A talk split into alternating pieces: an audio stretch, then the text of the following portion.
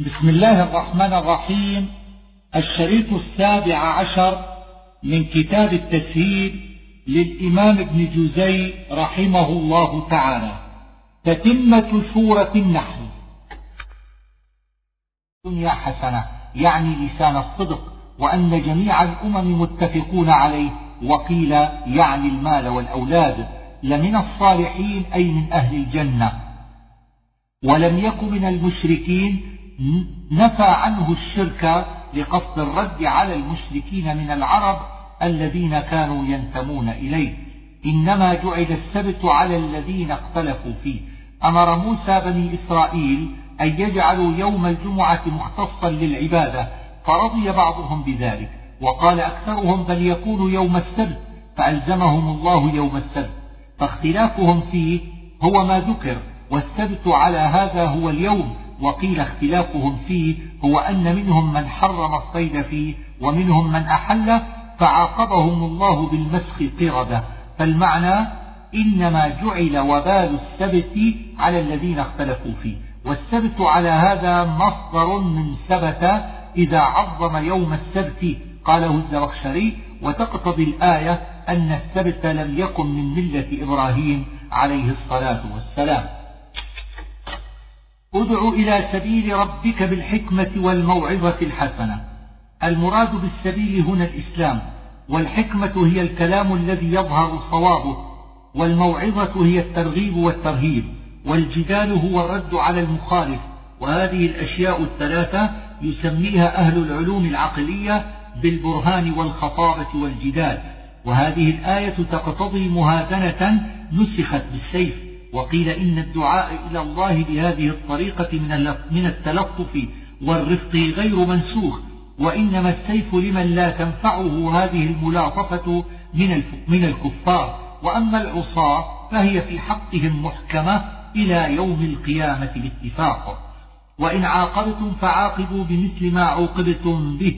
المعنى إن صنع بكم صنع سوء فافعلوا مثله ولا تزيدوا عليه. فالعقوبة في الحقيقة إنما هي الثانية وسميت الأولى عقوبة لمشاكلة اللفظ ويحتمل أن يكون عاقبتم بمعنى أصبتم عقبة كقوله في الممتحنة فعاقبتم بمعنى غنمتم فيكون في الكلام تجنيس. وقال الجمهور إن الآية نزلت في شأن حمزة بن عبد المطلب لما بقر المشركون بطنه يوم أحد قال النبي صلى الله عليه وآله وسلم لئن أظفرني الله بهم لأمثلن بسبعين منهم فنزلت الآية فكفر النبي صلى الله عليه وآله وسلم عن يمينه وترك ما أراد من المثلة ولا خلاف أن المثلة حرام وقد وردت الأحاديث بذلك ويقتضي ذلك أنها مدنية.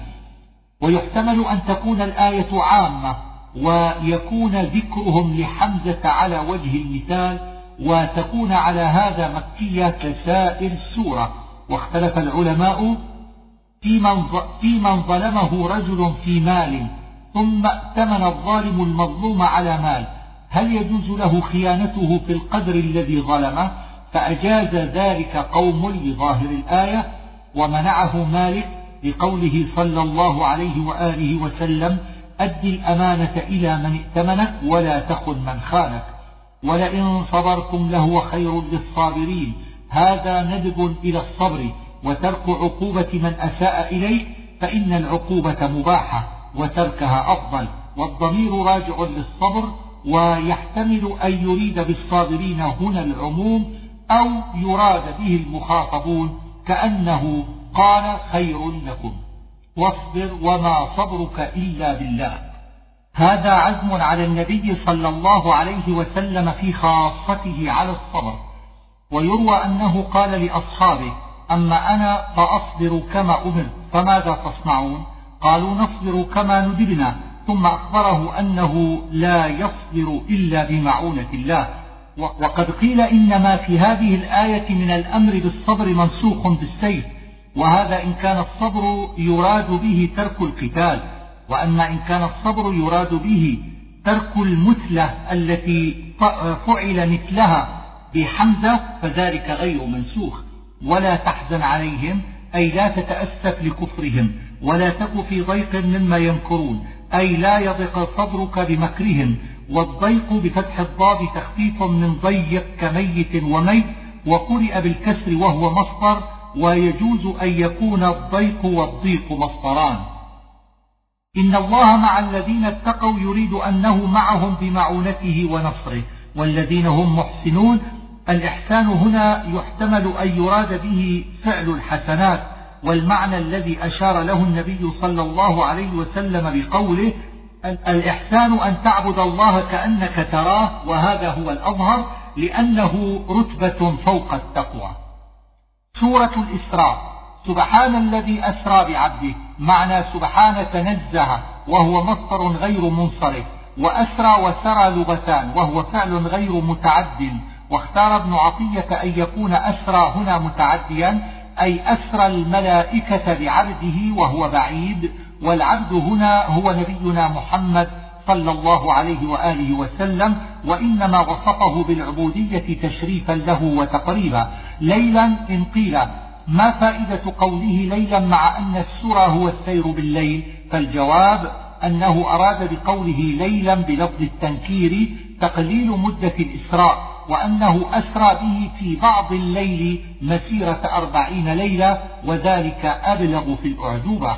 من المسجد الحرام إلى المسجد الأقصى يعني بالمسجد الحرام مسجد مكة المحيط بالكعبة. وقد روي في الحديث أنه صلى الله عليه وآله وسلم قال بينما أنا نائم في الحجر إذ جاءني جبريل وقيل كان النبي صلى الله عليه وآله وسلم ليلة الإسراء في بيته فالمسجد الحرام على هذا مكة أي المسجد الحرام. وأما المسجد الأقصى فهو بيت المقدس الذي بإيلياء وسمي الأقصى لأنه لم يكن وراءه حينئذ مسجد ويحتمل أن يريد بالأقصى الأبعد فيكون المقصد إظهار العجب في الإسراء إلى هذا الموضع البعيد في ليلة. واختلف العلماء في كيفية الإسراء فقال الجمهور كان بجسد النبي صلى الله عليه وآله وسلم وروحه وقال قوم كان بروحه خاصة وكانت رؤيا نوم, نوم حق فحجة الجمهور أنه لو كان مناما لم تنكره قريش ولم ولم يكن في ذلك ما يكذب به الكفار. ألا ترى قول أم هانئ له لا تخبر بذلك فيكذبك قومك؟ وحجة من قال إن الإسراء كان مناما قوله تعالى وما جعلنا الرؤيا التي أريناك وإنما يقال الرؤيا في المنام. ويقال فيما يرى فيما يرى بالعين رؤية.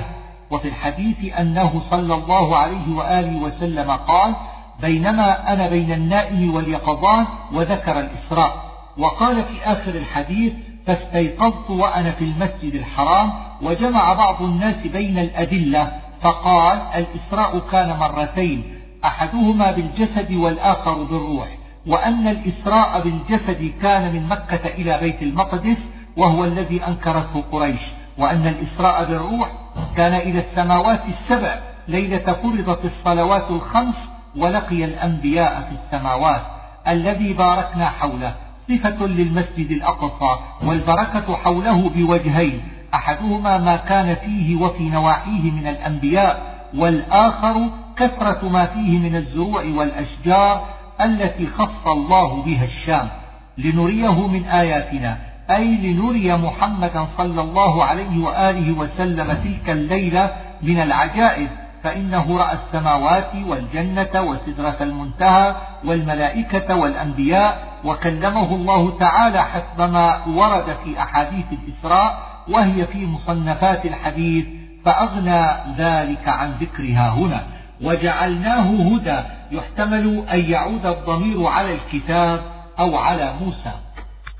ألا تتخذوا من دوني وكيلا أي ربا تكلون إليه أمركم وأن يحتمل أن تكون مصدرية أو مفسرة.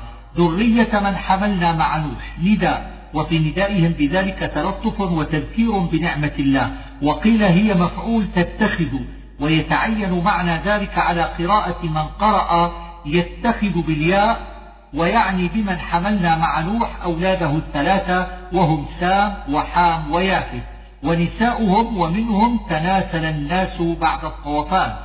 إنه كان عبدا شكورا أي كثير الشكر كان يحمد الله على كل حال. وهذا تعليل لما تقدم أي كونوا شاكرين كما كان أبوكم نوح. وقضينا إلى بني إسرائيل في الكتاب. قيل إن قضينا هنا بمعنى أعلمنا وأخبرنا كما, كما قيل في وقضينا إليه ذلك الأمر. والكتاب على هذا التوراة وقيل قضينا إليه من القضاء والقدر والكتاب على هذا اللوح المحفوظ الذي كتبت فيه مقادير الأشياء وإلى بمعنى على. لتفسدن في الأرض مرتين.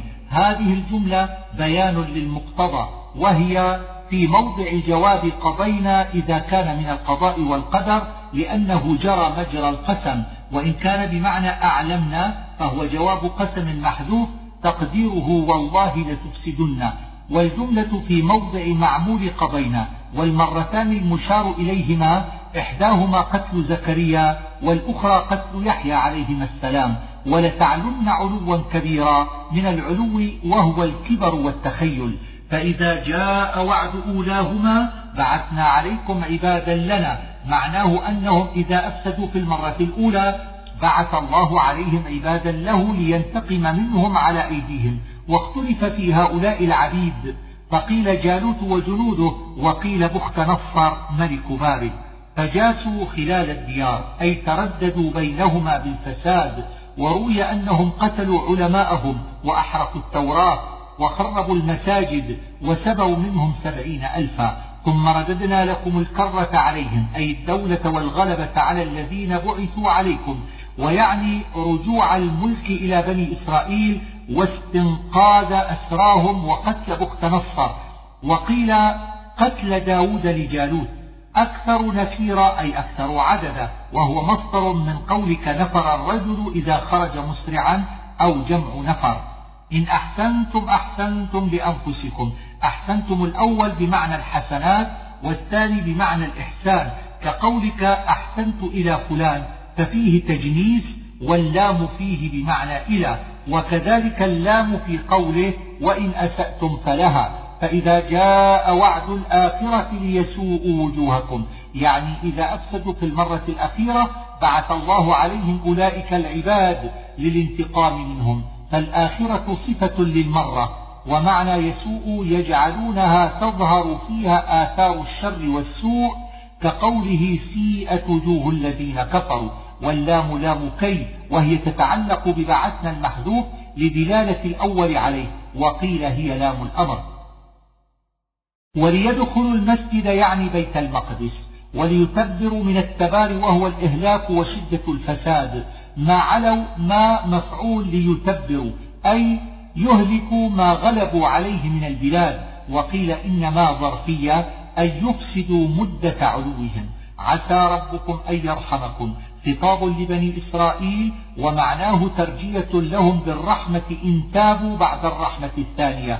وإن عدتم عدنا خطاب لبني إسرائيل.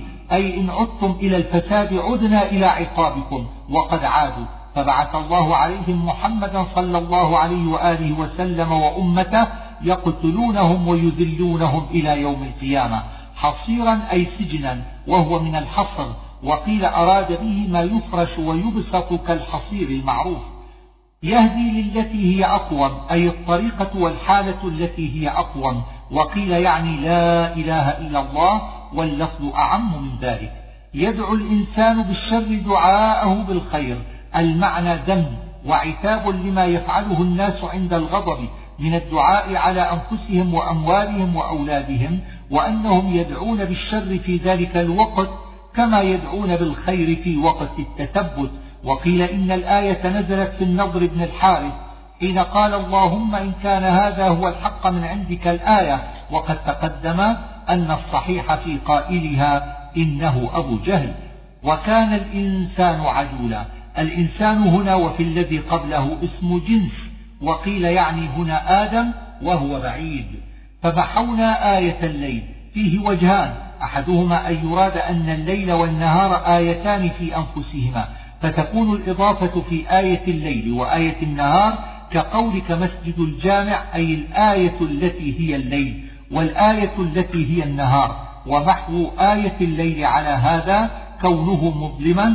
والوجه الثاني أن يراد بآية الليل القمر وآية النهار الشمس ومحو آية الليل على هذا كون القمر لم يجعل له ضوء كضوء الشمس وجعلنا آية النهار مبصرة. يحتمل أن يريد النهار بنفسه أو الشمس ومعناه مبصرة تبصر فيها الأشياء. لتبتغوا فضلا من ربكم أي لتتوصلوا بضوء النهار إلى التصرف في معايشكم. ولتعلموا باختلاف الليل والنهار أو بمسير الشمس والقمر عدد السنين والحساب الأشهر والأيام. وكل شيء فصلناه تفصيلا انتصب كل بفعل مضمر والتفصيل البيان.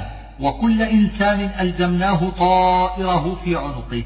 انتصب كل بفعل مضمر والطائر هنا العمل. والمعنى أن عمله لازم له. وقيل إن طائره ما قدر عليه وله من خير وشر. والمعنى على هذا أن كل ما يلقى الإنسان قد سبق به القضاء. وإنما عبر عن ذلك بالطائر لأن العرب كانت عادتها التيمن والتشاؤم بالطير وقوله في عنقه أي هو كالقلادة أو الغل لا ينفك عنه. كتابا يلقاه منشورا يعني صحيفة أعماله بالحسنات والسيئات. اقرأ كتابك. تقديره يقال له قرأ. حسيبا أي محاسبا أو من الحساب بمعنى العدد. ولا تزر وازرة وزر أخرى. معناه حيث وقع لا يؤاخذ أحد بذنب أحد.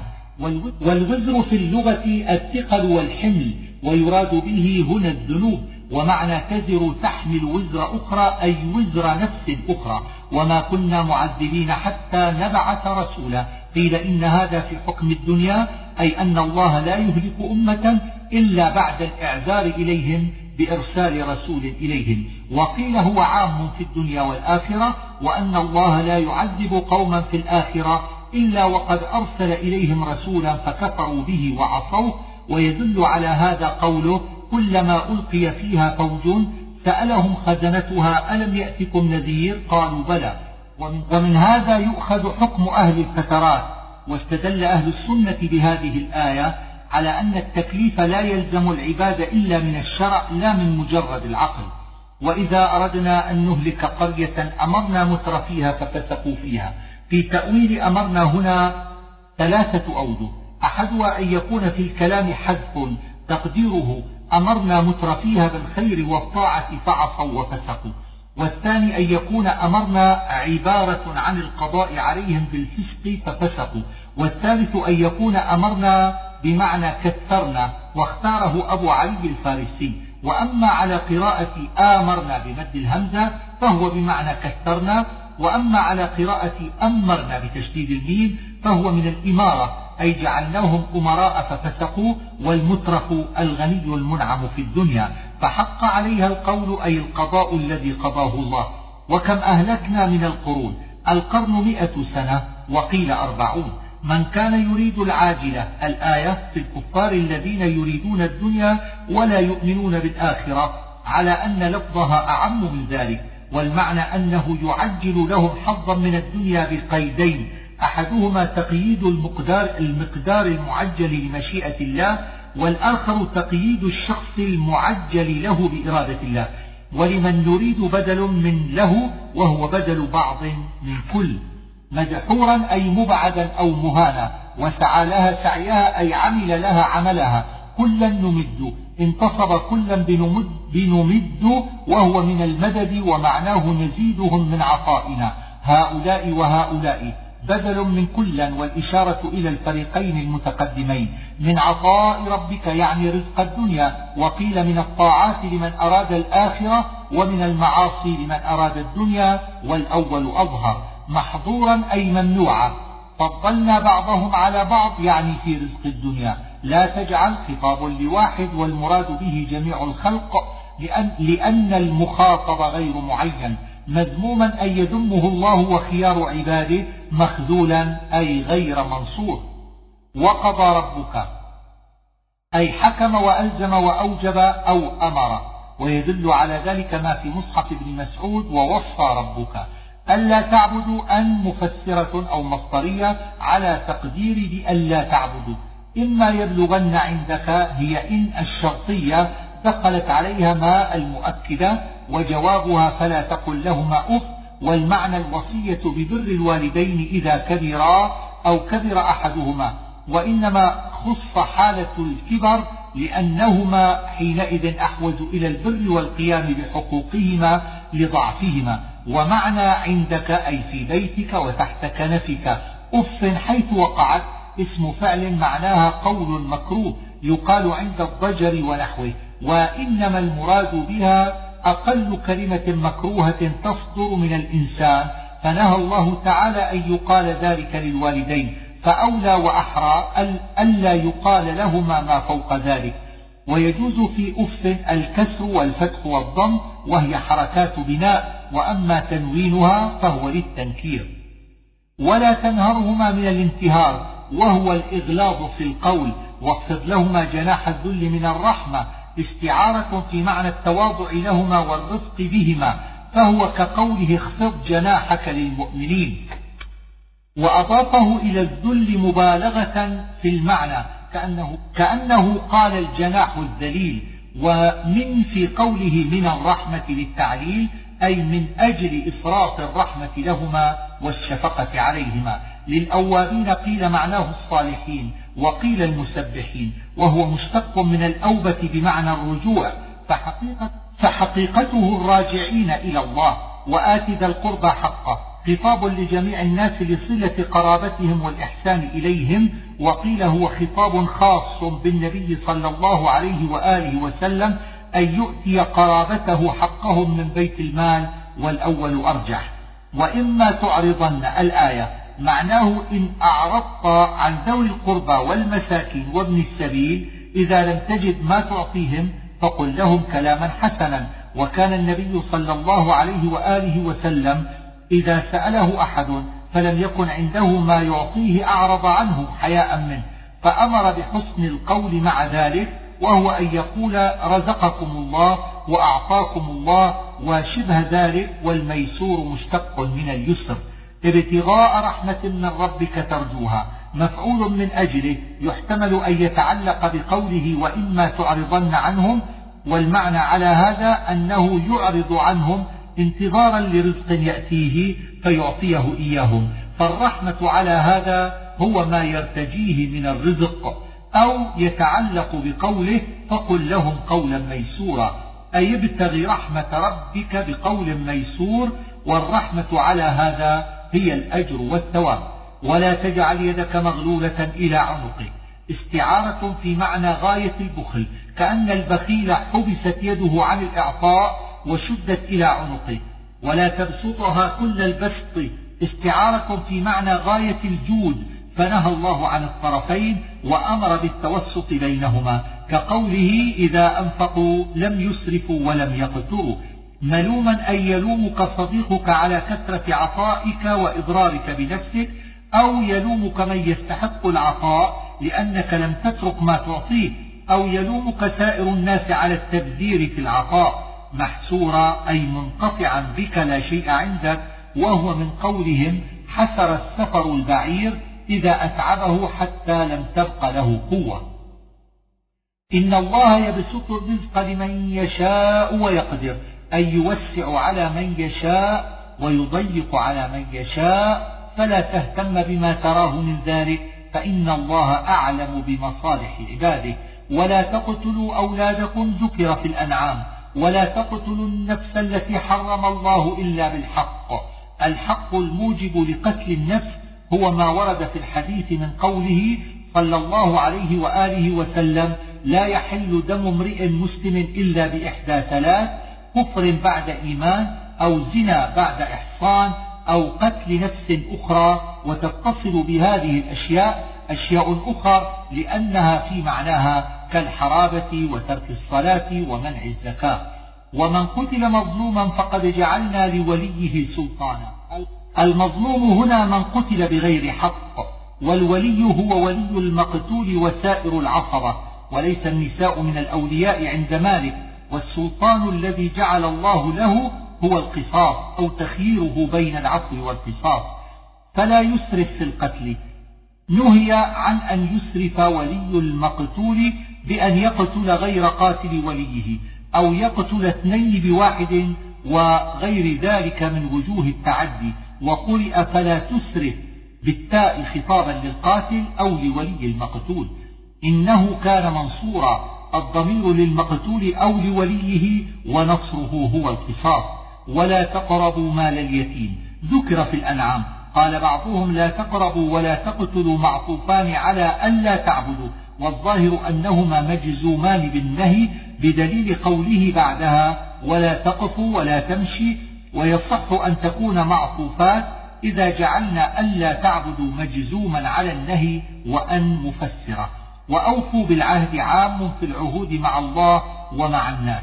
إن العهد كان مسؤولا.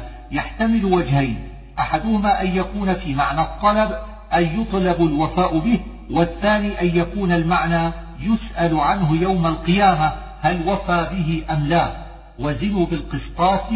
قيل القسطاس الميزان وقيل العدل وقرئ بكسر القاف وهي لغة. وأحسن تأويلا أي أحسن عاقبة ومآلا وهو من آل إذا رجع.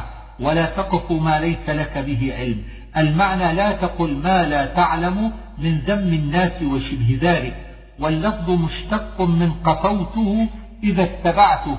إن السمع والبصر والفؤاد كل أولئك كان عنه مسؤولا.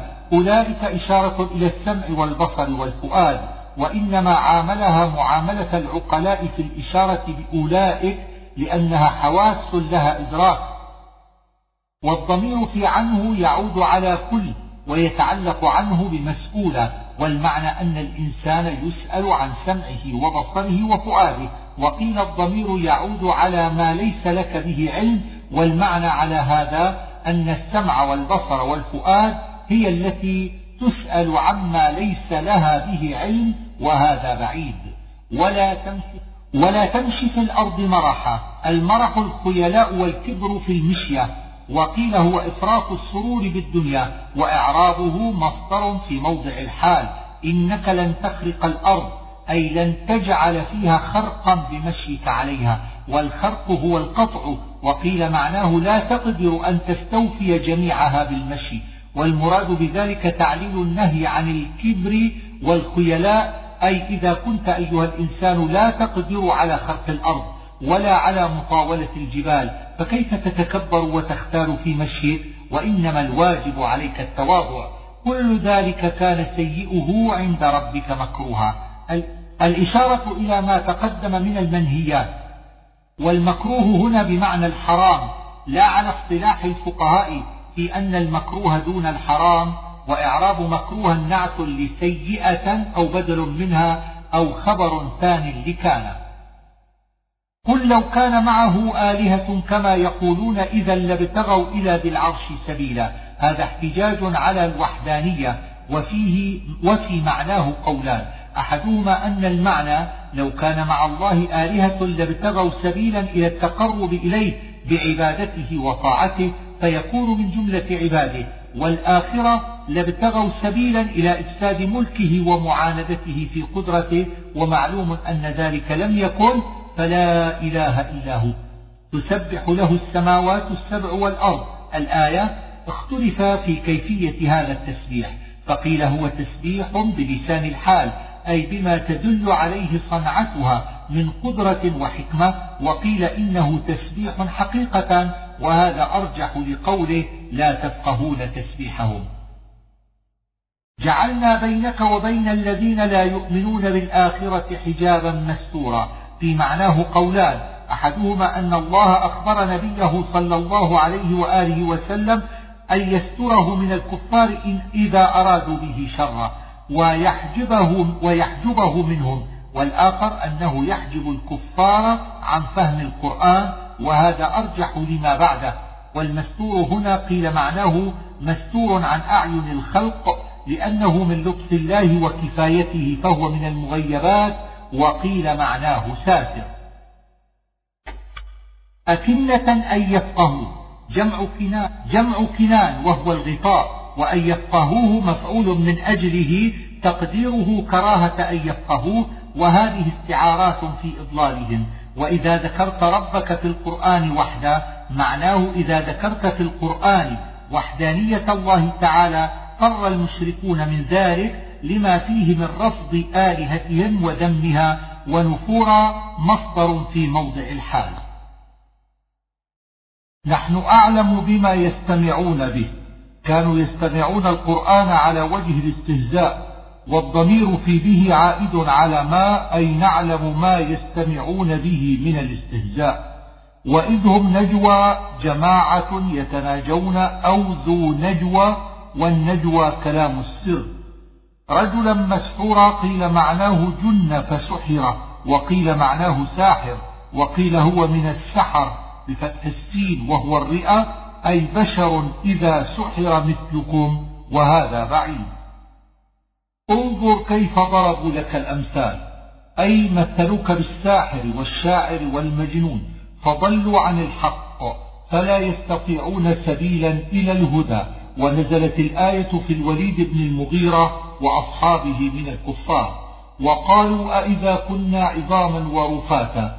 الآية معناها إنكار للبعث واستبعادهم أن يخلقهم الله خلقا جديدا بعد فنائهم والرفات الذي بلي حتى صار غبارا أو فتاتا وقد ذكر في الرعد اختلاف القراء في الاستفهامين. قل كونوا حجارة أو حديدا. المعنى لو كنتم حجارا أو حديدا لقدرنا على بعثكم وأحيائكم مع أن الحجارة والحديد أصلب الأشياء وأبعدها عن الرطوبة التي في الحياة. فأولى وأحرى أن يبعث أجسادكم ويحيي عظامكم البالية. فذكر الحجارة والحديد تنبيها بهما على ما هو أسهل في الحياة منهما. ومعنى قوله كونوا أي كونوا في الوهم والتقدير وليس المراد به التعجيز كما قال بعضهم في ذلك أو خلقا مما يكبر في صدوركم قيل يعني السماوات والأرض والجبال وقيل بل أحال على فكرتهم عموما في كل ما هو كبير عندهم أي لو كنتم حجارة أو حديدا أو شيئا أكبر عندكم من ذلك وأبعد عن الحياة لقدرنا على بعثكم. فسينغضون إليك رؤوسهم أي يحركونها تحريك المستبعد للشيء والمستهزئ ويقولون متى هو؟ أي متى يكون البعث؟ يوم يدعوكم فتستجيبون بحمده. الدعاء هنا عبارة عن البعث بالنفخ في الصور والاستجابة عبارة عن قيامهم من القبور طائعين منقادين وبحمده في موضع الحال أي حامدين له وقيل معنى بحمده بأمره. وتظنون إن لبثتم إلا قليلا يعني لبثتم في الدنيا أو في القبور. وقل لعبادي يقول التي هي أحسن. العباد هنا المؤمنون أمرهم أن يقول بعضهم لبعض كلاما لينا عجيبا وقيل أن يقولوه للمشركين ثم نسخ بالسيف. وإعراب يقول كقوله يقيم الصلاة في إبراهيم وقد ذكر ذلك. قل ادعوا قل ادعوا الذين زعمتم من دونه. قيل يعني الملائكة. وقيل عيسى وأمه وعزير. وقيل نفر من الجن كان العرب يعبدونهم. والمعنى أنهم لا يقدرون على كشف الضر عنكم فكيف تعبدونهم؟ أولئك الذين يدعون يبتغون إلى ربهم الوسيلة. المعنى أن أولئك الآلهة الذين تدعون من دون الله يبتغون القربة إلى الله ويرجونه ويخافونه فكيف تعبدونهم معه؟ وإعراب أولئك مبتدأ والذين تدعون صفة له ويبتغون خبره. والفاعل في يدعون ضمير للكفار وفي يبتغون للآلهة المعبودين. وقيل إن الضمير في يدعون ويبتغون للأنبياء المذكورين قبل في قوله ولقد فضلنا بعض النبيين على بعض والوسيلة هي ما يتوسل به ويتقرب. أيهم أقرب بدل من الضمير في يبتغون؟ أي يبتغي الوسيلة من هو أقرب منهم فكيف بغيره؟ أو ضمن يبتغون معنى يحرصون؟ فكأنه قيل يحرصون أيهم يكون أقرب إلى الله بالاجتهاد في طاعته. ويحتمل أن يكون المعنى أنهم يتوسلون بأيهم أقرب إلى الله محذورا من الحذر وهو الخوف. وإن من قرية إلا نحن مهلكوها قبل يوم القيامة يحتمل هذا الهلاك وجهين. أحدهما أن يكون بالموت والفناء الذي لا بد منه والآخر أن يكون بأمر من الله يأخذ المدينة دفعة فيهلكها. وهذا أظهر. لأن الأول معلوم لا يفتقر إلى الإخبار به والهلاك والتعذيب المذكوران في الآية هما في الحقيقة لأهل القرى أي مهلكوا أهلها أو معذبوهم وروي أن هلاك مكة بالحبشة والمدينة بالجوع والكوفة بالترك والأندلس بالخيل وسئل, الأستاذ أبو جعفر ابن الزبير عن غرناطة فقال أصابها العذاب يوم قتل الموحدين بها في ثورة ابن هود وأما هلاك قرطبة وإشبيلية وطليطلة وغيرها بأخذ الروم لها. في الكتاب مسطورة يعني اللوح المحفوظ. وما منعنا أن نرسل بالآيات إلا أن كذب بها الأولون. الآيات يراد بها هنا التي يقترحها الكفار. فإذا رأوها ولم يؤمنوا أهلكهم الله. وسبب الآية أن قريشا اقترحوا على رسول الله صلى الله عليه وآله وسلم أن يجعل لهم الصفا ذهبا فأخبر الله أنه لم يفعل ذلك لئلا يكذبوا فيهلكوا. وعبر بالمنع عن ترك ذلك وأن نرسل في موضع نصب وأن كذب في موضع رفع.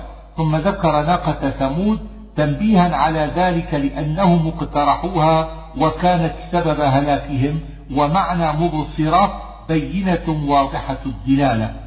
وما نرسل بالآيات إلا تخويفا. إن أراد بالآيات هنا المقترحة فالمعنى أنه يرسل بها تخويفا من العذاب العاجل وهو الإهلاك.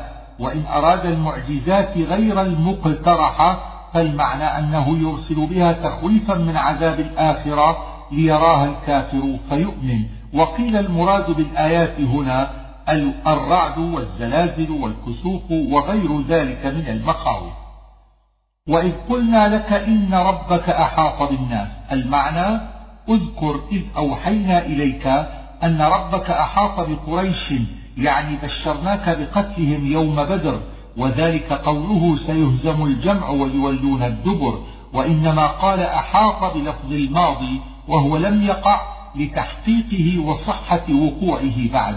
وقيل المعنى أحاط بالناس في منعك وحمايتك منهم كقوله والله يعصمك من الناس. وما جعلنا الرؤيا التي أريناك إلا فتنة للناس. اختلف في هذه الرؤيا.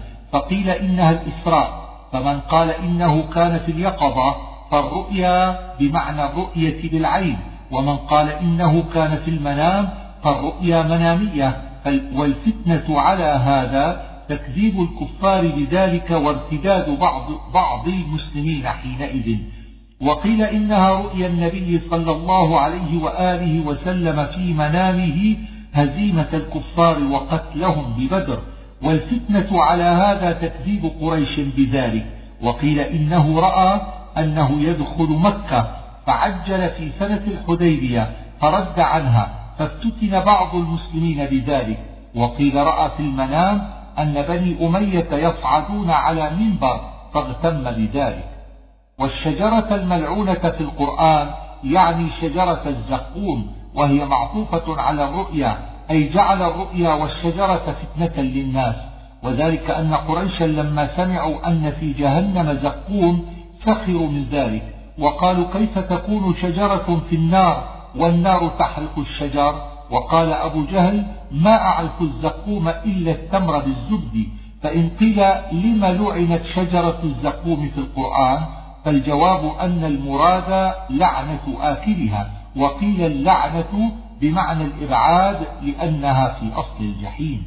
ونخوفهم الضمير لكفار قريش. قيل تمييز أو حال من من أو من مفعول خلقت قال قال أرأيتك هذا الذي كرمت عليه؟ الكاف من أرأيتك للخطاب لا موضع لها من الإعراب. وهذا مفعول بأرأيت. والمعنى أخبرني عن هذا الذي كرمته علي أي فضلته وأنا خير منه. فاختصر الكلام بحذف ذلك. وقال ابن عطية أرأيتك هذا بمعنى أتأملت ونحوه لا بمعنى أخبرني. لأحتنكن ذريته. معناه لأستولين عليهم ولأقودنهم وهو مأخوذ من تحنيك الدابة وهو أن يشد على حنكها بحبل فتنقاد. قال اذهب قال ابن عطية اذهب وما بعده من الأوامر. صيغة أمر على وجه التهديد. وقال الزمخشري ليس المراد الذهاب هو ضد المجيء وإنما معناه امض لشأنك الذي اخترته خذلانا له وتخلية. ويحتمل عندي أن يكون معناه للطرد والإبعاد. فمن تبعك منهم فإن جهنم جزاؤكم. كان الأصل أن يقال جزاؤهم بضمير الغيبة ليرجع إلى من اتبعك ولكنه ذكره بلفظ المخاطب تغليبا للمخاطب على الغائب وليدخل إبليس معهم. جزاء موفورا مصدر في موضع الحال والموفور المكمل. واستفزز أي اخدع واستخف. بصوتك قيل يعني الغناء والمزامير وقيل الدعاء إلى المعاصي وأجلب عليهم أي هول وهو من الجل الجلبة وهي الصياح. بخيلك ورجلك الخيل هنا يراد بها الفرسان الراكبون على الخيل والرجل جمع راجل وهو الذي يمشي على رجليه فقيل هو مجاز واستعارة بمعنى افعل جهدك وقيل إن له من الشيطان خيلا ورجلا. وقيل المراد فرسان الناس ورجالتهم المتصرفون في الشر وشاركهم في الأموال والأولاد مشاركته في الأموال بكسبها من الربا وإنفاقها في المعاصي وغير ذلك ومشاركته في الأولاد هي بالاستيلاد بالزنا وتسمية الولد عبد شمس وعبد الحارث وشبه ذلك وعدهم يعني المواعدة الكاذبة من شفاعة الأصنام وشبه ذلك. إن عبادي يعني المؤمنين الذين يتوكلون على الله بدليل قوله بعد ذلك وكفى بربك وكيلا ونحوه إنه ليس له سلطان على الذين آمنوا وعلى ربهم يتوكلون. يجري لكم الفلك أي يجريها ويسيرها والفلك هنا جمع وابتغاء الفضل في التجارة وغيرها.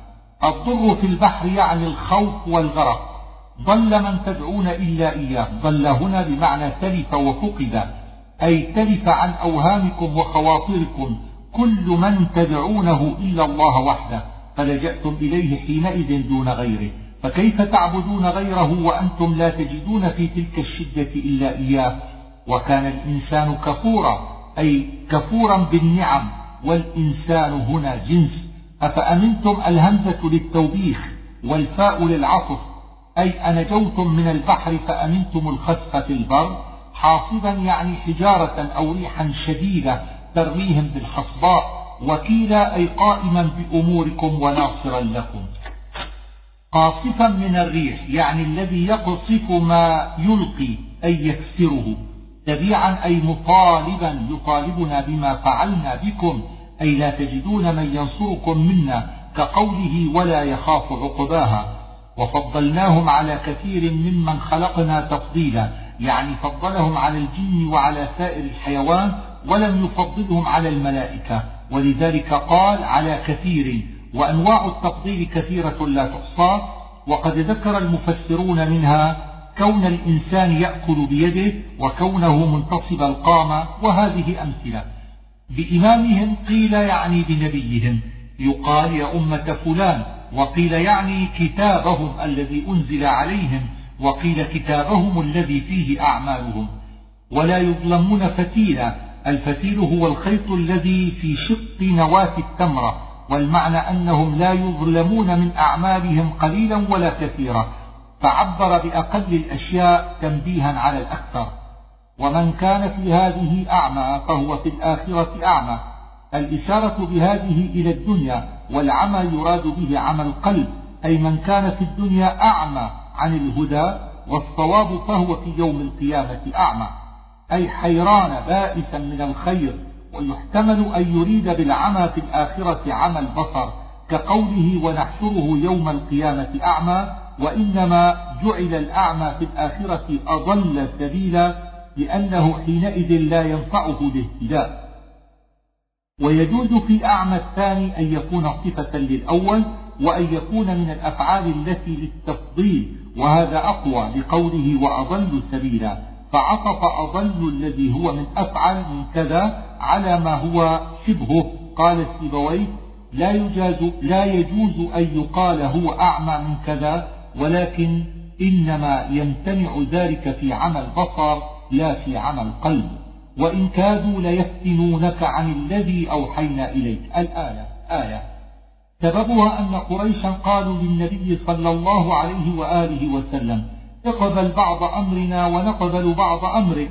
وقيل إن ثقيفا طلبوا من النبي صلى الله عليه وسلم أن يؤخرهم بعد إسلامهم سنة يعبدون فيها اللات والعزى والآية على هذا القول مدنية لتفتري علينا غيره. الافتراء هنا يراد به المخالفة لما أوحي إليه من القرآن وغيره. وإذا لاتخذوك خليلا أي لو فعلت ما أرادوا منك لاتخذوك خليلا. ولولا أن ثبتناك لقد كدت تركن إليهم شيئا قليلا. لولا تدل على امتناع شيء لوجود غيره. فدلت على امتناع مقاربة النبي صلى الله عليه وآله وسلم الركون إليهم لأجل تثبيت الله له وعصمته وكدت تقتضي نفي الركون لأن معنى كاد فلان يفعل كذا أي أنه لم يفعله. فانتفى الركون إليهم ومقاربته. فليس في ذلك نقص من جانب النبي صلى الله عليه وآله وسلم لأن التثبيت منعه من مقاربة الركون. ولو لم يثبته الله ولو لم يثبته الله لكانت مقاربته للركون إليهم شيئا قليلا. وأما منع التثبيت فلم يركن قليلا ولا كثيرا. ولا قارب ذلك. إذا لأذقناك ضعف الحياة وضعف الممات أي ضعف عذابهما لو فعل ذلك. وإن كادوا ليستفزونك من الأرض. الضمير لقريش كانوا قد هموا أن يخرجوا النبي صلى الله عليه وآله وسلم من مكة وذلك قبل الهجرة. فالأرض هنا يراد بها مكة لأنها بلده وإذا لا يلبثون خلافك إلا قليلا. أي لو أخرجوك لم يلبثوا بعد خروجك بمكة إلا قليلا. فلما خرج النبي صلى الله عليه وآله وسلم مهاجرا من مكة إلى المدينة لأجل إذاية قريش له ولأصحابه لم يبقوا بعد ذلك إلا قليلا وقتلوا يوم بدر. سنة من قد أرسلنا قبلك من رسلنا. انتصب سنة على المصدر ومعناه العادة أي هذه عادة الله مع رسله. أقم الصلاة لدلوك الشمس إلى غسق الليل وقرآن الفجر. هذه الآية إشارة إلى الصلوات المفروضة فدلوك الشمس زوالها والإشارة إلى الظهر والعصر وغسق الليل ظلمته وذلك إشارة إلى المغرب والعشاء. وقرآن الفجر صلاة الصبح. وانتصب قرآن الفجر بالعطف على موضع اللام في قوله بدلوك الشمس فإن اللام فيه ظرفية بمعنى عند وقيل هو عطف على الصلاة. وقيل مفعول بفعل مضمر تقديره اقرأ قرآن الفجر. وإنما عبر عن صلاة الصبح بقرآن الفجر لأن القرآن يقرأ فيها أكثر من غيرها لأنها تصلى بسورتين طويلتين. إن قرآن الفجر كان مشهودا أي تشهده ملائكة الليل والنهار فيجتمعون فيه إذ تصعد ملائكة الليل وتنزل ملائكة النهار. ومن الليل فتهجد به نافلة لك. لما أمر بالفرائض أمر بعدها بالنوافل. ومن للتبعيض والضمير في به للقرآن. والتهجد السهر وهو ترك الهجود. ومعنى الهجود النوم فالتفعل هنا للخروج عن الشيء كالتحرج والتأثم في الخروج عن الإثم والحرج. عسى أن يبعثك ربك مقاما محمودا يعني الشفاعة يوم القيامة وانتصب مقاما على الظرف. وقل رب أدخلني مدخل صدق الآية. المدخل دخوله إلى المدينة والمخرج خروجه من مكة. وقيل المدخل في القبر والمخرج إلى البعث. واختار ابن عطية أن يكون على العموم في جميع الأمور. سلطانا نصيرا قيل معناه حجة تنصرني بها وتظهر بها صدقي. وقيل قوة ورياسة تنصرني بها على الأعداء وهذا أظهر. وقل جاء الحق وزهق الباطل. الحق الإيمان والباطل الكفر. وننزل من القرآن ما هو شفاء من للتبعيض أو لبيان الجنس. والمراد بالشفاء أنه يشفي القلوب من الريبة والجهل ويحتمل أن يريد نفعه من الأمراض بالرقيا به والتعويذ وإذا أنعمنا على الإنسان الآية المراد بالإنسان هنا الجنس لأن ذلك من سجية الإنسان. وقيل إنما يراد الكافر لأنه هو الذي يعرض عن الله ونأى بجانبه أي بعد وذلك تأكيد وبيان للإعراض وقرئ ناء وهو بمعنى واحد. كل يعمل على شاكلته أي مذهبه وطريقته التي تشاكله. ويسألونك عن الروح السائلون اليهود. وقيل قريش بإشارة اليهود. والروح هنا عند الجمهور هو الذي في الجسم وقد يقال فيه النفس. وقيل الروح هنا جبريل وقيل القرآن. والأول هو الصواب لدلالة ما بعده على ذلك. قل الروح من أمر ربي أي من الأمور التي استأثر الله بها ولم يطلع عليها خلقه وكانت اليهود قد قالت لقريش اسألوه عن الروح فإن لم يجبكم فيه بشيء فهو نبي. وذلك أنه كان عندهم في التوراة أن الروح ممن فرض الله بعلمه. وقال ابن بريدة لقد مضى النبي صلى الله عليه وآله وسلم وما يعرف الروح ولقد كثر اختلاف الناس في النفس والروح وليس في أقوالهم في ذلك ما يعول عليه. وما أوتيتم من العلم إلا قليلا. خطاب عام لجميع الناس لأن علمهم قليل بالنظر إلى علم الله. وقيل خطاب لليهود خاصة والأول أظهر لأن فيه إشارة إلى أنهم لا يصلون إلى العلم بالروح. ولئن شئنا لنذهبن بالذي أوحينا إليه. أي إن شئنا ذهبنا بالقرآن. فمحوناه من الصدور والمصاحف. وهذه الآية متصلة المعنى بقوله وما أوتيتم من العلم إلا قليلا. أي في قدرتنا أن نذهب بالذي أوحينا إليك فلا يبقى عندك شيء من العلم. وكيلا أي من يتوكل بإعادته ورده بعد ذهابه. إلا رحمة من ربك يحتمل أن يكون استثناء متصلا بمعنى أن رحمة ربك ترد القرآن بعد ذهابه لو ذهب أو استثناء منقطعا بمعنى أن رحمة ربك تمسكه عن الذهاب. قل لئن اجتمعت الإنس والجن على أن يأتوا بمثل هذا القرآن لا يأتون بمثله. عجز الخلق عن الإتيان بمثله لما تضمنه من العلوم الإلهية. البراهين الواضحة والمعاني العجيبة التي لم يمكن الناس يعلمونها ولا يصلون إليها ثم جاءت فيه على الكمال وقال أكثر الناس إنهم عجزوا عنه لفصاحته وحسن نظمه ووجوه إعجازه كثيرة قد ذكرنا في غير هذا منها خمسة عشر وجها ظهيرا أي معينا. ولقد صرفنا للناس في هذا القرآن من كل مثل أي بينا لهم كل شيء من العلوم النافعة والبراهين القائمة والحجج الواضحة. وهذا يدل على أن إعجاز القرآن بما فيه من المعاني والعلوم كما ذكرنا. فأبى أكثر الناس إلا كفورا.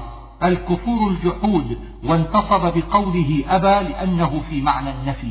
وقالوا لن نؤمن لك حتى تفجر لنا من الأرض ينبوعا. الذين قالوا هذا القول هم أشراف قريش طلبوا من النبي صلى الله عليه وآله وسلم أنواعا من خوارق العادات وهي التي ذكرها الله في هذه الآية. وقيل إن الذي قاله عبد الله بن أبي أمية بن المغيرة وكان ابن عمة النبي صلى الله عليه وآله وسلم ثم أسلم بعد ذلك. ولينبوع العين. قالوا, له إن مكة قليلة الماء ففجر لنا فيها عينا من الماء. أو تسقط السماء كما زعمت علينا كسفا.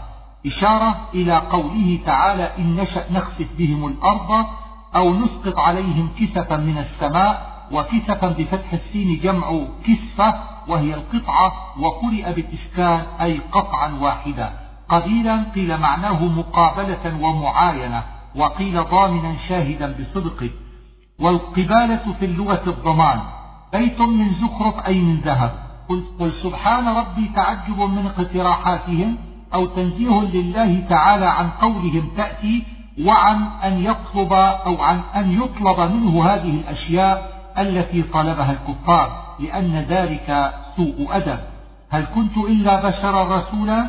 أي إنما أنا بشر فليس في قدرتي شيء مما طلبتم وأنا رسول فليس علي إلا التبليغ. إلا أن قالوا أبعث الله بشرا رسولا. المعنى أن الذي منع الناس من الإيمان إنكارهم لبعث الرسول من البشر. قل لو كان في الأرض ملائكة الآية معناها أنه لو كان أهل الأرض ملائكة لكان الرسول إليهم ملكا ولكنهم بشر فالرسول إليهم بشر من جنسهم. ومعنى مطمئنين ساكنين في الأرض شهيدا بيني وبينكم ذكر في الأنعام.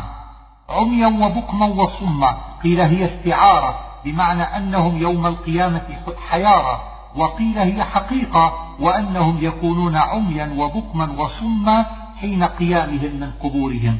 كلما خرت معناه في اللغة سكن لهبها والمراد هنا كلما أكلت لحومهم فسكن لهبها بدلوا أجسادا أخر ثم صارت ملتهبة أكثر مما كانت. وقالوا أإذا كنا عظاما استبعاد للحشر وقد تقدم معنى الرفات والكلام في الاستفهامين. أولم يروا أن الله الآية احتجاج على الحشر فإن السماوات والأرض أكبر من الإنسان فكما قدر الله على خلقها فأولى وأحرى أن يقدر على إعادة جسد الإنسان بعد فنائه والرؤية في الآية رؤية قلب. أجلا لا ريب فيه القيامة أو أجل الموت. قل لو أنتم تملكون لو حرف امتناع. ولا يليها الفعل إلا ظاهرا أو مضمرا فلا بد من فعل يقدر هنا بعدها تقديره تملكون ثم فسره بتملكون الظاهر وأنتم تأكيد للضمير الذي في تملكون المضمر. خزائن رحمة ربي أي الأموال والأرزاق. إذا لأمسكتم خشية الإنفاق أي لو ملكتم الخزائن لأمسكتم عن الإعطاء خشية الفقر. فالمراد بالإنفاق عاقبة الإنفاق وهو الفقر ومفعول أمسكتم محذوف. وقال الزمخشري لا مفعول له لأن معناه بخلتم من قولهم للبخيل ممسك. ومعنى الآية وصف الإنسان بالشح وخوف الفقر بخلاف وصف الله تعالى بالجود والغنى. تسع آيات بينات الخمس منها الطوفان والجراد والقمل والضفادع والدم والأربع انقلاب العصا حية وإخراج يده بيضاء وحل العقدة من لسانه وفلق البحر وقد عد فيها رفع الطور فوقه وانفجار الماء من الحجر على أن يسقط اثنان من الأخر وقد عد فيها أيضا السنون والنقص من الثمرات روي أن بعض اليهود سألوا النبي صلى الله عليه وسلم عنها فقال ألا تشركوا بالله شيئا ولا تسرقوا ولا تزنوا ولا تقتلوا النفس التي حرم الله إلا بالحق ولا تمشوا ببريء إلى السلطان ليقتله ولا, ولا تسحروا ولا تأكلوا الربا ولا تقذفوا المحصنات ولا تفروا يوم الزحف وعليكم خاصة ألا, ألا تعدوا في السبت. فاسأل بني إسرائيل. أي اسأل المعاصرين لك من بني إسرائيل عما ذكرنا من قصة موسى لتزداد يقينا؟ والآية على هذا خطاب لمحمد صلى الله عليه وآله وسلم.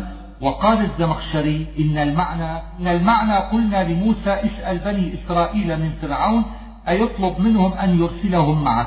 فهو كقوله أن أرسل معنا بني إسرائيل. فلا يرد قوله اسأل لموسى على إضمار القول. وقال أيضا يحتمل أن يكون المعنى اسأل بني إسرائيل أن يعبدوك ويكونوا معك وهذا أيضا على أن يكون الخطاب لموسى والأول أظهر إذ جاءهم الضمير لبني إسرائيل والمراد آباؤهم الأقدمون والعامل في إذ على القول الأول آتينا موسى أو فعل مضمر والعامل فيه على قول الزمخشري القول المحذوف. مسحورة هنا وفي الفرقان أي سحرت واختلط عقلك وقيل ساحر لقد علمت بفتح التاء خطاب لفرعون والمعنى أنه علم أن الله أنزل الآيات ولكنه كفر بها عنادا كقوله وجحدوا بها واستيقنتها أنفسهم والإشارة بهؤلاء إلى الآيات متبورا أي مهلوكا وقيل مغلوبا وقيل مصروفا عن الخير قابل موسى قول فرعون إني لأظنك يا موسى مسحورا بقوله وإني لأظنك يا فرعون مثبورا فأراد أن يستفزهم من الأرض أي أرض مصر. اسكنوا الأرض يعني أرض الشام لفيفا أي جميعا مختلطين. وبالحق أنزلناه وبالحق نزل. الضمير للقرآن وبالحق معناه في الموضعين بالواجب من المصلحة والسداد. وقيل معنى الأول كذلك ومعنى الثاني ضد الباطل أي بالحق في إخباره بأوامره ونواهيه. وقرآنا فرقناه انتصب بفعل مضمر يدل عليه فرقناه ومعناه بيناه وأوضحناه. على مكث قيل معناه على تمهل وترتيل في قراءته. وقيل على طول مدة نزوله شيئا فشيئا من حين بعث الله النبي صلى الله عليه وسلم إلى وفاته وذلك عشرون سنة وقيل ثلاث وعشرون. قل آمنوا به أو لا تؤمنوا. أمر بالاحتقار لهم وعدم الاكتراث بهم كأنه يقول سواء آمنتم أو لم تؤمنوا لكونكم لستم بحجة وإنما الحجة أهل العلم من, من قبله وهم المؤمنون من أهل الكتاب. إن الذين أوتوا العلم من قبله يعني المؤمنين من أهل الكتاب وقيل الذين كانوا على الحنيفية قبل البعثة كزيد بن عمرو بن نوفل وورقة بن نوفل والأول أظهر وهذه الجملة تعليل لما تقدم والمعنى إن لم تؤمنوا به أنتم فقد آمن به من هو أعلم منكم ويخرون للأذقان أي لناحية الأذقان كقولهم خر لليدين وللفم. والأذقان جمع ذقن وهو أسفل الوجه حيث اللحية. وإنما كرر يخرون للأذقان لأن الأول للسجود والآخر للبكاء. قل ادعوا الله أو ادعوا الرحمن. سببها أن الكفار سمعوا النبي صلى الله عليه وآله وسلم يدعو يا الله يا رحمن. فقالوا إن كان محمد ليأمرنا بدعاء إله واحد وها هو يدعو إلهين. فنزلت الآية مبينة أن قوله الله أو الرحمن اسمان لمسمى واحد وأنه مخير في الدعاء بأي الاسمين شاء والدعاء في الآية بمعنى التسمية كقولك دعوت ولدي زيدا لا بمعنى النداء. أيا ما تدعو فله الأسماء الحسنى أيا اسم شرط منصوب بتدعو والتنوين فيه عوض من المضاف إليه وما زائدة للتأكيد. والضمير في به لله تعالى وهو المسمى للاسم والمعنى أن هذين الاسمين تدعو أي هذين الاسمين تدعو فحسن لأن الله له الأسماء الحسنى فموضع قوله لله الأسماء الحسنى موضع الحال وهو في المعنى تعليل للجواب لأنه إذا حسنت أسماؤه كلها حسن هذان الاسمان. ولا تجهر بصلاتك ولا تخافت بها. المخافتة هي الإسرار وسبب الآية أن رسول الله صلى الله عليه وآله وسلم جهر بالقرآن في الصلاة فسمعه المشركون فسبوا القرآن ومن أنزله. فأمر رسول الله صلى الله عليه وسلم بالتوسط بين الإسرار والجهر ليسمع أصحابه الذين يصلون معه ولا يسمع المشركون. وقيل المعنى لا تجهر بصلاتك كلها ولا تخافت بها كلها. واجعل منها سرا وجهرا حسب ما أحكمته السنة وقيل الصلاة هنا الدعاء. ولم يكن له ولي من الذل أي ليس ليس له ناصر يمنعه من الذل لأنه تعالى عزيز لا يفتقر إلى ولي يحميه. فنفي الولاية على هذا المعنى لأنه غني عنها ولم ينفي الولاية على وجه المحبة والكرامة لمن شاء من عباده. وحكى الطبري أن قوله لم يتخذ ولدا رد على النصارى واليهود والذين نسبوا لله ولدا وقوله ولم يكن له شريك رد على المشركين وقوله ولم يكن له ولي من الذل رد على الصابئين في قولهم لولا أولياء الله لذل الله تعالى الله عن قولهم علوا كبيرا. وكبره معطوف على قل ويحتمل هذا التكبير أن يكون بالقلب وهو التعظيم أو باللسان وهو قوله أن يقول الله أكبر مع قوله الحمد لله الذي لم يتخذ ولدا الآية. سورة الكهف. الحمد لله الذي أنزل على عبده الكتاب. العبد هنا هو النبي صلى الله عليه وآله وسلم. ووصفه بالعبودية تشريفا له وإعلاما باختصاصه وقربه والكتاب القرآن. ولم يجعل له عوجا. العوج بكسر العين في المعاني التي لا تحسن وبالفتح في الأشخاص كالعصا ونحوها ومعناه عدم الاستقامة وقيل فيه هنا معناه لا تناقض فيه ولا خلل وقيل لم يجعله مخلوقا واللفظ أعم من ذلك. قيما أي مستقيما وقيل قيما على الخلق بأمر الله تعالى وقيل قيما على سائر الكتب بتصديقها وانتصابه على الحال من الكتاب والعامل فيه أنزل ومنع الزرخشري ذلك للفصل بين الحال وذي الحال واختار أن العامل فيه فعل مضمر تقديره جعله قيما لينذر بأسا شديدا متعلق بأنزل أو بقيما والفاعل به ضمير الكتاب أو النبي صلى الله عليه وآله وسلم والبأس العذاب وحذف المفعول الثاني وهو الناس كما حذف المفعول الآخر من قوله وينذر الذين لدلالة المعنى على المحذوف من لدنه أي من عنده والضمير عائد على الله تعالى.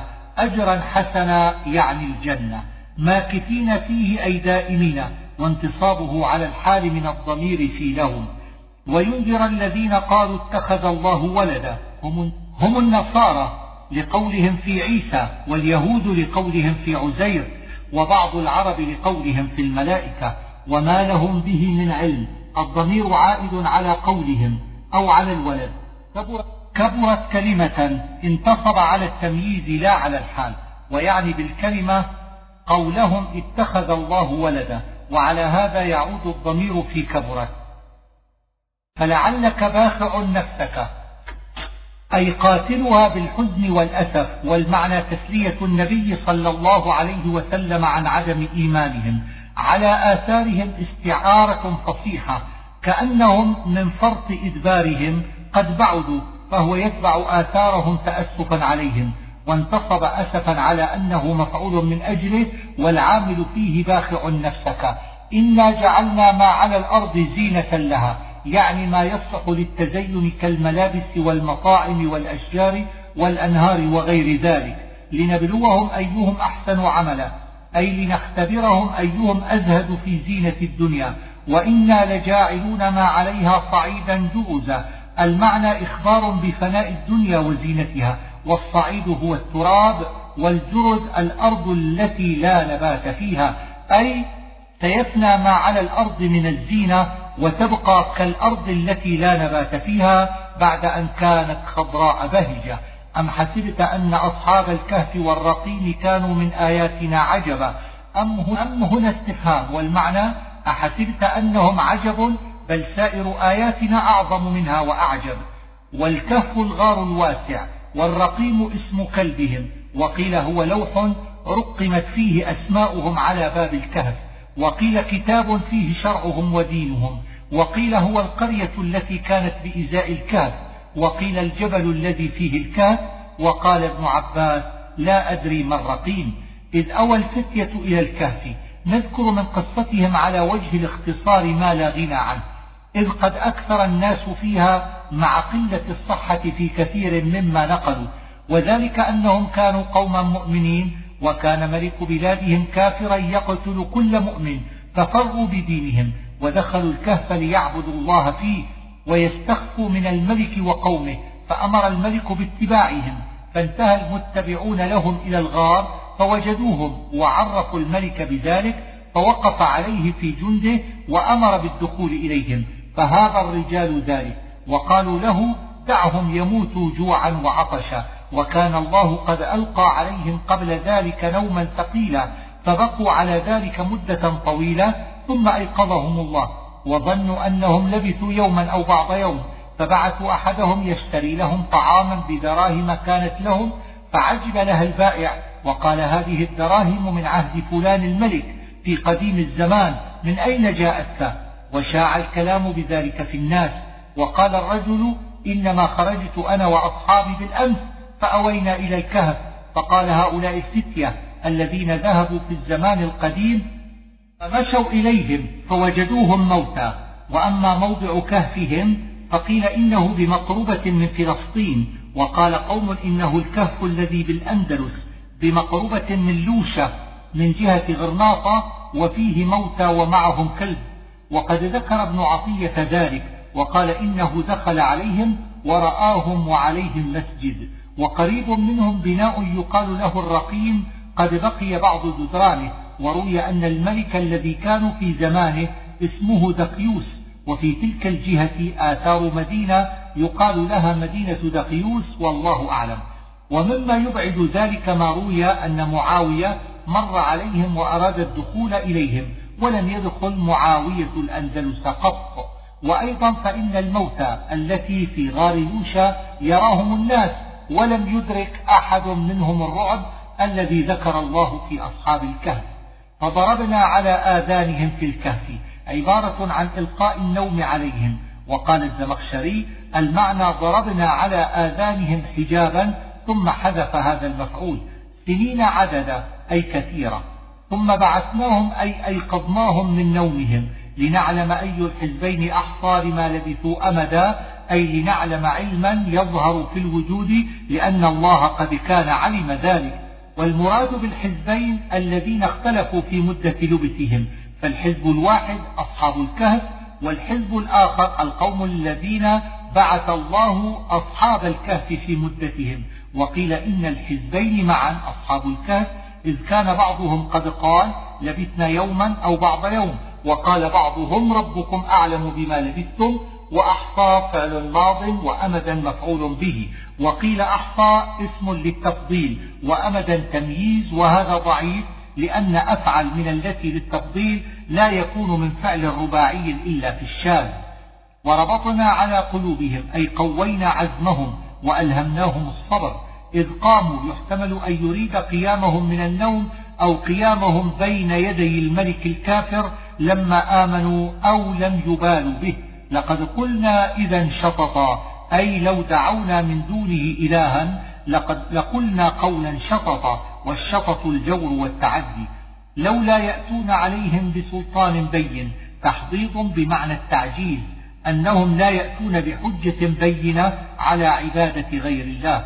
وإذا اعتزلتموهم خطاب من بعضهم لبعض حين عزموا على الفرار بدينهم. وما يعبدون عطف على المفعول فاعتزلتموهم أي تركتموهم وتركتم ما يعبدون إلا الله أي ما يعبدون من دون الله وإلا هنا بمعنى غير وهذا استثناء متصل إن كان قومهم يعبدون الله ويعبدون معه غيره ومنقطع إن كانوا لا يعبدون الله وفي مصحف ابن مسعود وما يعبدون من دون الله. فأووا إلى الكهف الفعل هو العامل في إذا اعتزلتموهم والمعنى أن بعضهم قال لبعض إذا فارقنا الكفار فلنجعل الكهف لنا مأوى ونتكل على الله فهو يرحمنا ويرفق بنا. نرفق بفتح الميم وكسرها ما يرتفق به وينتفع. وترى الشمس إذا طلعت تزاور عن كهفهم ذات اليمين وإذا غربت تقرضهم ذات الشمال. قيل هنا كلام محذوف.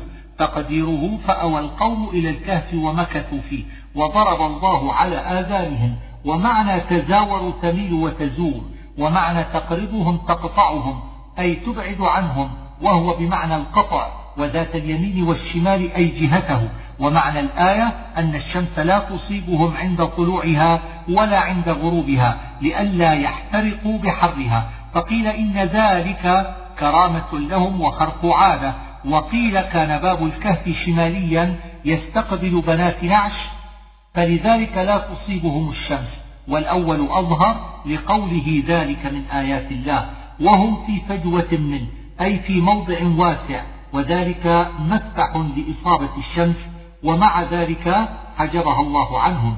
ذلك من آيات الله.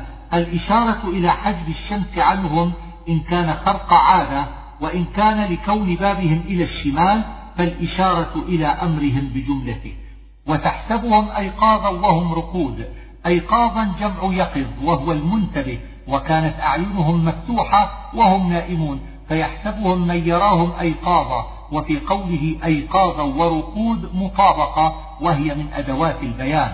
ونقلبهم ذات اليمين وذات الشمال أي نقلبهم من جانب إلى جانب ولولا ذلك لأكلتهم الأرض. وكان هذا التقليب من فعل الله وملائكته وهم لا ينتبهون من نومهم وروي أنهم كانوا يقلبون مرتين في السنة وقيل من سبع سنين إلى مثلها. وكلبهم باسط ذراعيه بالوصيد قيل إنه كان كلبا لأحدهم يصيد به وقيل كان كلبا لراع فمروا عليه فصحبهم وتبعه كلبه وأعمل اسم الفاعل وهو بمعنى المضي لأنه حكاية حال بالوصيد أي بباب الكهف وقيل عتبته وقيل البناء ولملئت منهم رعبا ذلك لما ألبسهم الله من الهيبة وقيل لطول أظفارهم وشعورهم وعظم أجرامهم وقيل لوحشة مكانهم وعن معاوية أنه غزا الروم فمر بالكهف فأراد الدخول إليه فقال له ابن عباس لا تستطيع ذلك فقد قال الله تعالى لمن هو خير منك لو اطلعت عليهم لوليت منهم فرارا فبعث ناسا إليهم فلما دخلوا الكهف بعث الله ريحا فأحرقتهم وكذلك بعثناهم ليتساءلوا بينهم أي كما أنمناهم كذلك بعثناهم ليسأل بعضهم بعضا واللام فيه ليتساءلوا لام الصيرورة قالوا ربكم أعلم بما لبثتم هذا قول من استشعر منهم أن مدة لبثهم طويلة فأنكر على من قال يوما أو بعض يوم ولكنه لم يعلم مقدارها فأسند علمها إلى الله. فبعثوا أحدكم بورقكم أي الورق الفضة وكانت دراهم تزودوها حين خروجهم إلى الكهف ويستدل بذلك على أن التزود للمسافر أفضل من تركه. ويستدل ببعث أحدهم على جواز الوكالة. فإن قيل, كيف اتصل بعث أحدهم بتذكر مدة لبسهم فالجواب أنهم كانوا قالوا ربكم أعلم بما لبثتم ولا سبيل لكم إلى العلم بذلك. فخذوا فيما هو أهم من هذا وأنفع لكم فابعثوا أحدكم إلى المدينة قيل إنها فرسوس أزكى طعاما قيل أكثر وقيل أحل. وقيل إنه أراد شراء زريب وقيل تمر وليتلطف في إخفائه وتحيله. إن يظهروا عليكم يرجمكم أي إن يظفروا بكم يقتلوكم بالحجارة وقيل المعنى يرجموكم بالقول والأول أظهر.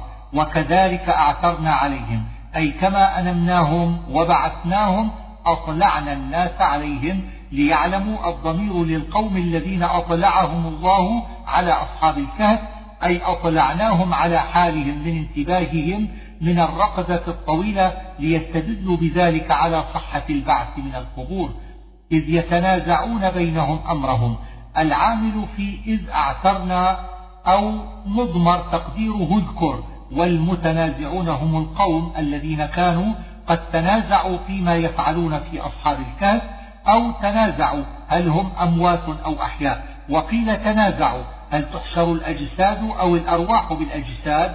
فأراهم الله حال أصحاب الكهف ليعلموا أن الأجساد تحشر.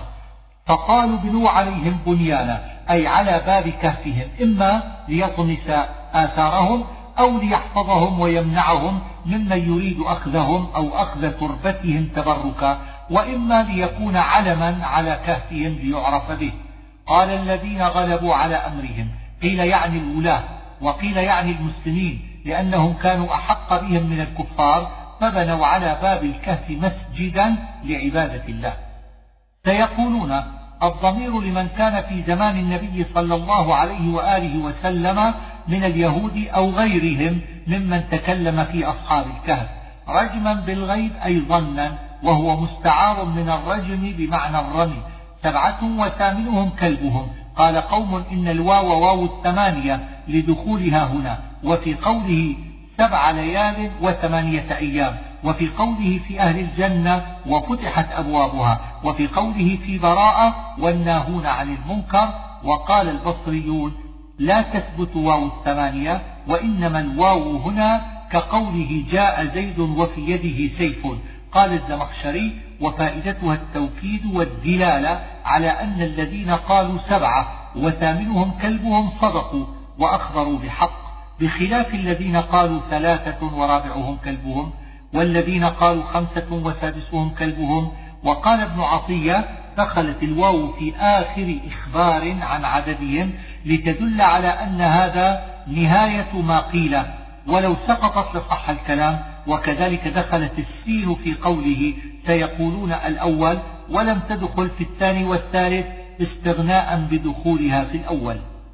ما يعلمهم إلا قليل أي لا يعلم عدتهم إلا قليل من الناس وهم من أهل الكتاب. قال ابن, قال ابن عباس أنا من ذلك القليل وكانوا سبعة وثامنهم كلبهم. ثم لأنه قال في الثلاثة والخمسة رجما بالغيب ولم يقل في سبعة وثامنهم كلبهم. فلا تمار فيهم إلا مراء ظاهرا لا تمار من المراء وهو الجدال والمخالفة والاحتجاج.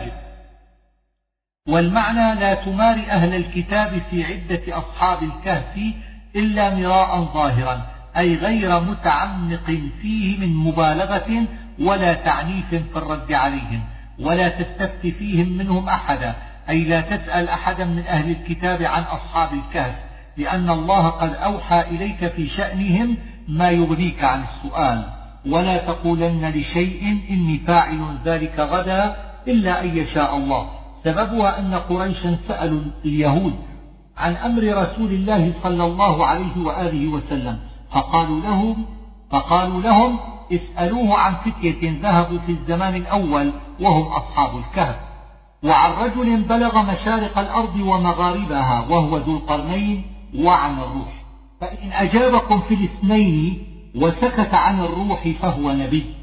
فسألوه فقال غدا أخبركم ولم يقل إن شاء الله. فأمسك عنه الله الوحي خمسة عشر يوما فأوجف به كفار قريش وتكلموا في ذلك. فشق ذلك على رسول الله صلى الله عليه وآله وسلم ثم جاء جبريل بسورة الكهف فقص عليه فيها قصة أصحاب الكهف وذي القرنين وأنزل الله عليه هذه الآية تأديبا لهم وتعليما فأمره بالاستثناء بمشيئة الله في كل أمر يريد أن يفعله فيما يستقبل. وقوله غدا يريد به الزمان المستقبل لا اليوم الذي بعد يومه خاصة وفي الكلام حذف يقتضيه المعنى وتقديره ولا تقولن لشيء إني فاعل ذلك غدا إلا أن تقول إن شاء الله أو تقول إلا أن يشاء الله والمعنى أن يعلق الأمر بمشيئة الله وحوله وقوته ويبرأ هو من الحول والقوة. وقيل إن قوله إلا أن يشاء الله بقوله لا تقولن والمعنى لا تقولن ذلك القول إلا أن يشاء الله أن تقوله بأن يأذن لك فيه. فالمشيئة على هذا راجعة إلى القول لا إلى الفعل ومعناها إباحة القول بالإذن فيه. حكى ذلك الزمخشري وحكاه ابن عطية وقال إنه من الفساد بحيث كان الواجب ألا يحكى. واذكر ربك إذا نسيت. قال ابن عباس الإشارة بذلك إلى الاستثناء أي استثن بعد مدة إذا نسيت الاستثناء أولا وذلك على مذهبه فإن الاستثناء في اليمين ينفع بعد سنة وأما مذهب مالك والشافعي فإنه لا ينفع إلا إن كان متصلا باليمين. وقيل معنى الآية اذكر ربك إذا غضبت وقيل اذكر إذا نسيت شيئا ليذكرك ما نسيت. والظاهر أن المعنى اذكر ربك إذا نسيت ذكره أي ارجع إلى الذكر إذا غفلت عنه واذكره في كل حال. ولذلك قالت عائشة رضي الله عنها كان رسول الله صلى الله عليه وآله وسلم يذكر الله على كل أحيانه وقل عسى أن يهديني ربي لأقرب من هذا رشدا. هذا كلام أمر النبي صلى الله عليه وآله وسلم أن يقوله. والإشارة بهذا إلى خبر أصحاب الكهف أي عسى الله أن يؤتيني من الآيات والحجج ما هو أعظم في الدلالة على نبوتي من خبر أصحاب الكهف.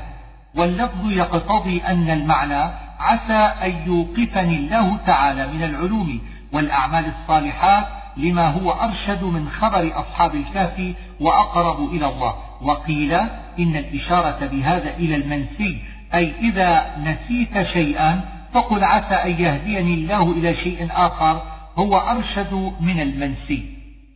ولبثوا في كهفهم ثلاثمائة سنين وازدادوا تسعة. في هذا قولان أحدهما أنه حكاية عن أهل الكتاب يدل على ذلك ما في قراءة ابن مسعود وقالوا لبثوا في كهفهم وهو معطوف على سيقولون ثلاثة فقوله قل الله أعلم بما لبثوا رد عليهم في هذا العدد المحكي عنهم. والقول الثاني أنه من كلام الله تعالى وأنه بيان لما أجمل في قوله فضربنا على آذانهم في الكهف سنين عددا. ومعنى قوله قل الله أعلم بما لبثوا على هذا أنه أعلم من الذين اختلفوا فيهم وقد أخبر بمدة لبسهم فإخباره هو الحق. لأنه أعلم من الناس. وكان قوله قل الله أعلم احتجاجا على صحة ذلك الإخبار وانتصب السنين على البدل من ثلاثمائة أو عطف بيان أو على التمييز وذلك على قراءة التنوين في ثلاثمائة وقرئ بغير تنوين على الإضافة ووضع الجمع موضع المفرد. أبصر به وأسمع. أي ما أبصره وما أسمعه لأن الله تعالى يدرك الخفيات كما يدرك الجليات. ما لهم الضمير لجميع الخلق أو المعاصرين للنبي صلى الله عليه وآله وسلم ولا يشرك في حكمه أحدا. هو خبر عن القراءة بالياء والرفع وقرئ بالتاء والجزم على النهي. لا مبدل لكلماته. يحتمل أن يراد بالكلمات هنا القرآن فالمعنى لا يبدل أحد القرآن ولا يغيره ويحتمل أن يريد بالكلمات القضاء والقدر ملتحدا أي ملجأ تميل إليه. واصبر نفسك أي احبسها صابرا مع الذين يدعون ربهم هم فقراء المسلمين كبلال وخباب وصهيب. وكان الكفار قد قالوا له اطرد هؤلاء نجالسك نحن فنزلت الآية. بالغداة والعشي قيل المراد الصلوات الخمس وقيل الدعاء على الإطلاق. ولا تعد عيناك عنه عنهم أي لا تتجاوز عنهم إلى أبناء الدنيا. وقال الزمخشري يقال عداه إذا جاوزه. فهذا الفعل يتعدى بنفسه دون حرف وإنما تعدى هنا بعن لأنه تضمن معنى نبت عينه عن الرجل إذا احتقره. تريد زينة الحياة الدنيا؟ جملة في موضع الحال فهي متصلة بما قبلها وهي في معنى تعليل الفعل المنهي عنه في قوله ولا تعد عيناك عنهم أي لا تبعد عنهم من أجل إرادتك لزينة الدنيا أغفلنا قلبه أي جعلناه غافلا أو وجدناه غافلا. وقيل يعني أنه عيينة ابن حسين الفزاري والأظهر أنها مطلقة من غير تقييد. فرط من التفريط والتضييع أو من الإفراط والإسراف. وقل الحق من ربكم أي هذا هو الحق. فمن شاء فليؤمن لفظه أمر وتخيير ومعناه أن الحق قد ظهر فليختر كل إنسان لنفسه إما الحق الذي ينجيه أو الباطل الذي يهلكه ففي ذلك تهديد. سرادقها السرادق في اللغة ما أحاط بالشيء كالسور والجدار. وأما سرادق جهنم فقيل حائط من نار وقيل دخان كالمهل وهو ذربي الزيت إذا انتهى حره. روي ذلك عن النبي صلى الله عليه وآله وسلم وقيل ما أذيب من الرصاص وشبهه. مرتفق أي شيئا يرتفق به فهو من الرفق وقيل يرتفق عليه فهو من الارتفاق بمعنى الاتكاء. أولئك لهم خبر إن وإنا لا نضيع اعتراض ويجوز أن يكون خبرين أو يكون إنا لا نضيع الخبر وأولئك استئناف ويقوم العموم في قوله من أحسن, من أحسن مقام الضمير الرابط أو قدروا من أحسن عملا منه. وروي أن النبي صلى الله عليه وآله وسلم قال إنها نزلت في أبي بكر وعمر وعثمان وعلي رضي الله تعالى عنهم. أساور جمع أسوار وسوار وهو ما يجعل في اليد. وقيل أساور جمع أسورة وأسورة جمع سوار. من سندس واستبرق السندس رقيق الديباج والاستبرق الغليظ منه. الأرائك الأسرة والفرش. واضرب لهم الضمير للكفار الذين قالوا اطرد فقراء المسلمين وللفقراء الذين أرادوا طردهم. أي مثل هؤلاء كمثل هذين الرجلين وهما أخوان من بني إسرائيل أحدهما مؤمن والآخر كافر ورثا مالا عن أبيهما. فاشترى الكافر بماله جنتين وأنفق المؤمن ماله في طاعة الله حتى افتقر فعيره الكافر بفقره فأهلك الله مال الكافر. وروي أن اسم المؤمن تمليخا واسم الكافر فطروس وقيل كانا شريكين اقتسم المال فاشترى أحدهما بماله جنتين وتصدق الآخر بماله. أكلها, أكلها بضم الهمزة اسم لما يؤكل ويجوز ضم الكاف وإسكانها. ولم تظلم أي لم تنقص وكان له ثمر. بضم التاء والميم أصناف المال من الذهب والفضة والحيوان وغير ذلك قاله ابن عباس وقتاده. وقيل هو الذهب والفضة خاصة. وهو من ثمر ماله إذا أكثره ويجوز إسكان الميم تخفيفا. وأما بفتح التاء والميم فهو المأكول من الشجر ويحتمل المعنى الآخر. وهو يحاوره أن يراجعه في الكلام. وأعز نفرا يعني الأنصار والخدم. ودخل جنته أفرد الجنة هنا لأنه إنما دخل الجنة الواحدة من الجنتين إذ لا يمكن دخول الجنتين دفعة واحدة وهو ظالم لنفسه إما بكفره وإما بمقابلته لأخيه فإنها تتضمن الفخر والكبر والاحتقار لأخيه. قال ما أظن أن تبيد هذه أبدا. يحتمل أن تكون الإشارة إلى السماوات والأرض وسائر المخلوقات. فيكون قائلا ببقاء هذا الوجود كافرا بالآخرة. أو تكون الإشارة إلى جنته فيكون قوله إفراطا في الاغترار وقلة التحصيل. ولئن رددت إلى ربي إن كان هذا على سبيل الفرض والتقدير كما يزعم أخي لأجدن في الآخرة خيرا من جنتي في الدنيا. وقرئ خيرا منهما بضمير الاثنين للجنتين وبضمير الواحد للجنة. منقلبا أي مرجعا